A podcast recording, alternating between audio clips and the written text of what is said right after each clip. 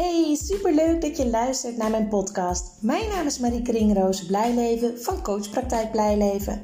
Ik ben motivatiespecialist voor tieners en hun ouders. In deze podcast geef ik informatie, inspiratie, tips en tools voor meer positiviteit in de puberteit. Het is namelijk mijn missie om het onnodig afstromen, dubleren en zakken voor het eindexamen terug te dringen in heel Nederland. Ik weet inmiddels uit ervaring dat als het contact tussen ouder en tiener positief is, dat dat direct effect heeft op het welbevinden en de schoolresultaten van een tiener. Een motivatieprobleem is namelijk een gevolg, geen oorzaak. Enjoy! Hey, goedemorgen. Hier bij weer een nieuwe aflevering. En in deze aflevering wil ik jullie meenemen in de 10 minuten presentatie die ik uh, heb gegeven op 22 juli bij BNI, de netwerkgroep waar ik bij zit. Um, en in die 10 minuten is de bedoeling dat je je bedrijf presenteert, wat je doet en met wie je werkt. Um, en ik dacht, nou ja, wellicht vinden jullie het ook interessant om die presentatie te horen. Het is een presentatie die, uh, waarin ik vooral uitleg wat ik doe in mijn praktijk, maar ook wat ik tegenkom in mijn praktijk. En waar ik altijd mee begin is mijn slogan. Een motivatieprobleem is een gevolg, geen oorzaak. Want het is nou eenmaal zo dat het gedrag van een tiener altijd een gevolg is van iets anders. Er zit altijd een reden achter.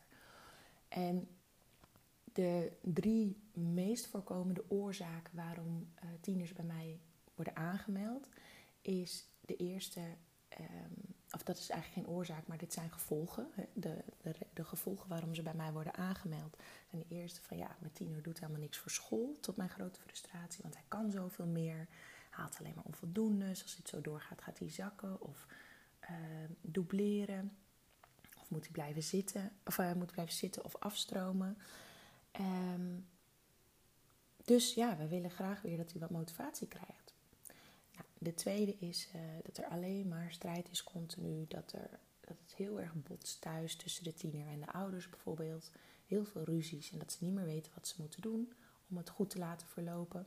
En de laatste is, dat zijn vaak meiden die zich onzeker voelen. Uh, die zich afsluiten van de anderen. Die niet zo goed meer weten wie ze zijn eigenlijk, wat ze waard zijn en daardoor ook last hebben met, met eh, vriendschappen. Maar achter al deze drie zit, ja, zit vaak dezelfde oorzaak. En ik heb dat zelf, um, ja, hoe zeg je dat? Uitgevonden?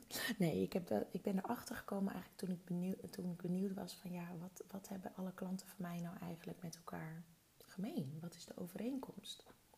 Nou, dus ik begin vanaf het begin. Een persoon, dus een tiener ook, maar jij als luisteraar ook, bestaat voor 50% uit je moeder en 50% uit je vader. En als een moeder bijvoorbeeld negatief over vader praat, stel dat ze zijn gescheiden of niet eens gescheiden, dus als een moeder negatief over vader praat en afkeurt, dan keur je dus eigenlijk ook die 50% van jouw tiener af. Want jouw tiener blijft altijd de helft van vader, de helft van moeder, ongeacht hun relatie. Dit kan dus echt wel gevolgen hebben op het gedrag van de tiener. Dus daar kom ik zo op. Wat ik heel veel tegenkom in mijn praktijk is dus de emotioneel afwezige vader. En je kan je voorstellen als jij als kind dus bestaat uit de helft van je vader, de helft van je moeder en de vader is emotioneel niet beschikbaar of fysiek en emotioneel niet aanwezig, dan mis je dus de helft van de erkenning van, van jou als persoon. Als die helft wegvalt, dan is er dus een leegte, dan is er een gat. En dan kan je wel weten dat er een vader is, maar dat is vaak nog veel moeilijker. Want hoezo heeft jouw vader geen belangstelling voor jou? Of geen tijd voor jou? Of ziet hij jou niet? En die leegte, daar willen ze, die willen ze opvullen. Dus ze gaan op zoek naar ja, dingen en mensen om toch gezien te worden. Iedereen wil gezien, gehoord en serieus genomen worden. Dus ze gaan op zoek, oké, ik wil gezien worden. Dat kan zijn uh, doordat iemand heel vaak zijn problemen vertelt. Dat anderen zich zorgen maken, zo van, nou, dan word ik gezien. Het kan ook zijn Ehm, dat ze bepaald gedrag gaan vertonen, negatief gedrag, hè, bijvoorbeeld clownsgedrag in, in de klas, om gezien te worden. Dus negatief gedrag ehm, laat dat zien. En negatieve aandacht vindt deze groep ook beter dan geen aandacht. Dus dat stimuleert eigenlijk alleen maar weer het negatieve gedrag. En doordat ze dan aandacht krijgen, maakt niet uit in welke vorm, krijgen ze dus de erkenning van hé, hey, ik word gezien. En ze zoeken dus de verbondenheid. En die verbondenheid die vinden ze vaak bij jongeren die ook veel op straat zijn. En waarom? Omdat eigenlijk de groepen jongeren die op straat hangen, eigenlijk allemaal te maken hebben met een emotioneel afwezige vader. En dat vond ik echt een interessante. Ook in de jeugdcriminaliteit, in de gevangenis, hebben ze bijna allemaal te maken met een emotioneel afwezige vader. En dit is totaal geen verwijt naar de vaders toe. Hè? Dit betekent alleen maar hoe belangrijk ook de vaders zijn. Zowel de moeders 50% als de vaders 50%. Van je vader krijg je grenzen en ambitie mee. Van je moeder vertrouwen in de wereld en ehm, eh, relaties kunnen onderhouden. Dus ze vinden de aandacht, ze vinden het gevoel van verbondenheid. En dit zijn dus heel vaak groepen die gaan roken, gaan drinken, drugs gaan gebruiken, omdat die groep oordeelt niet. Iedereen zit in hetzelfde schuitje. En omdat ze het dan gezellig hebben met elkaar, ga je veel sneller meedoen met het roken, het blowen en het drinken. Dus ja, je wordt erkend, je wordt gezien. En dan zitten ze voordat je het weet in een wereldje waar je je kind helemaal niet wil. En als ze dan ook nog gaan dealen, bijvoorbeeld, gelukkig kom ik het niet heel veel tegen, maar ik ben het al meerdere keren in mijn praktijk tegengekomen, dan hebben ze ook nog eens geld. En geld is status. Als je wapens bij je draagt of als je agressief bent, dan word je ook gezien. Hè? Het is fijner als je ziet dat de ander bang is, dan dat jij bang bent. Dus het geeft een bepaald soort macht en invloed en je wordt dan gezien en serieus genomen en gehoord. Dus dat stimuleert soms om uh, geweld te plegen.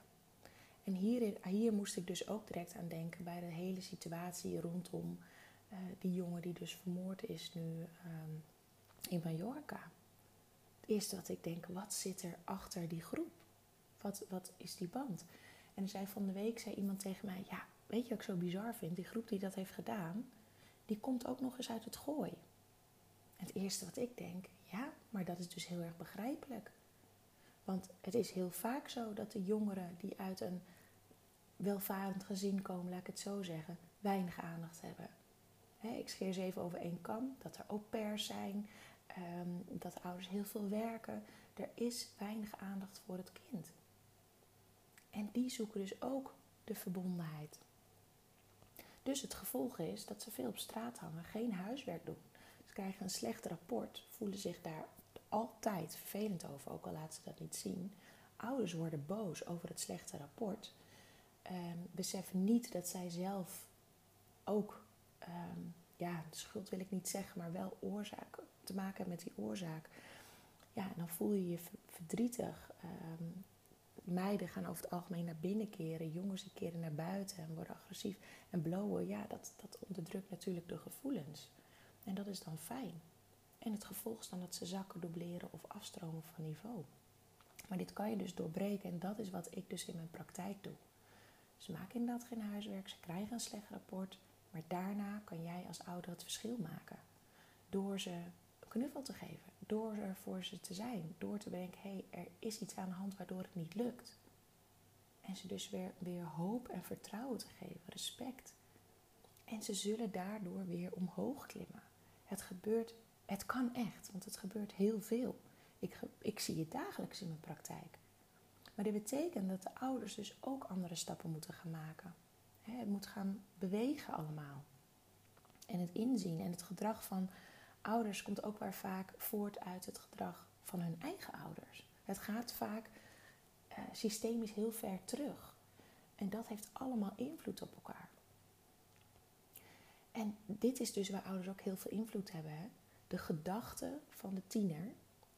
Negatieve gedachten zorgen voor negatieve gevoelens. En die negatieve gedachten en gevoelens samen zorgen voor bepaald gedrag. Heb je negatief gedrag, dan krijg je daar negatief resultaat over. En zo gaat het cirkeltje continu door. Dus als jij positief feedback aan je kind geeft, gaat het cirkeltje ook veranderen. Want luisteren kan zoveel zeggen. Dank jullie wel. nou, dit is dus mijn, mijn presentatie van, uh, van BNI. We hebben maximaal 10 minuten. Ik zie dat ik nu op 9 minuten 55 zit, dus dat zit helemaal rond. En ik ben heel benieuwd wat jullie hiervan, uh, hiervan vonden. Dit was voor mij direct een generale repetitie, want het is nu bijna 6 uur op donderdagochtend. Dus uh, ik ga me klaarmaken om naar BNI te rijden. En dan heb ik ook direct een podcast opgenomen voor jullie. Dus ik ben benieuwd wat je ervan vond en wat je eruit hebt, van, uh, wat je eruit hebt gehaald. Ik wens jullie een hele fijne dag. Doei doei!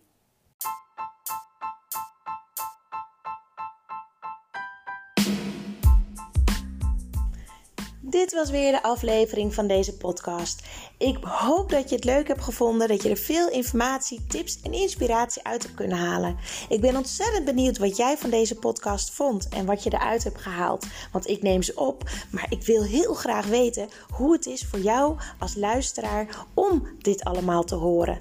Wil je mij dat laten weten via een persoonlijk berichtje? Dan vind ik dat hartstikke leuk. Wil je andere ouders motiveren, stimuleren? en inspireren met deze podcast, deel het dan op social media. En wil je mij contacten? Dat kan via www.coachpraktijkblijleven.nl. En wie weet spreken we elkaar snel. Fijne dag!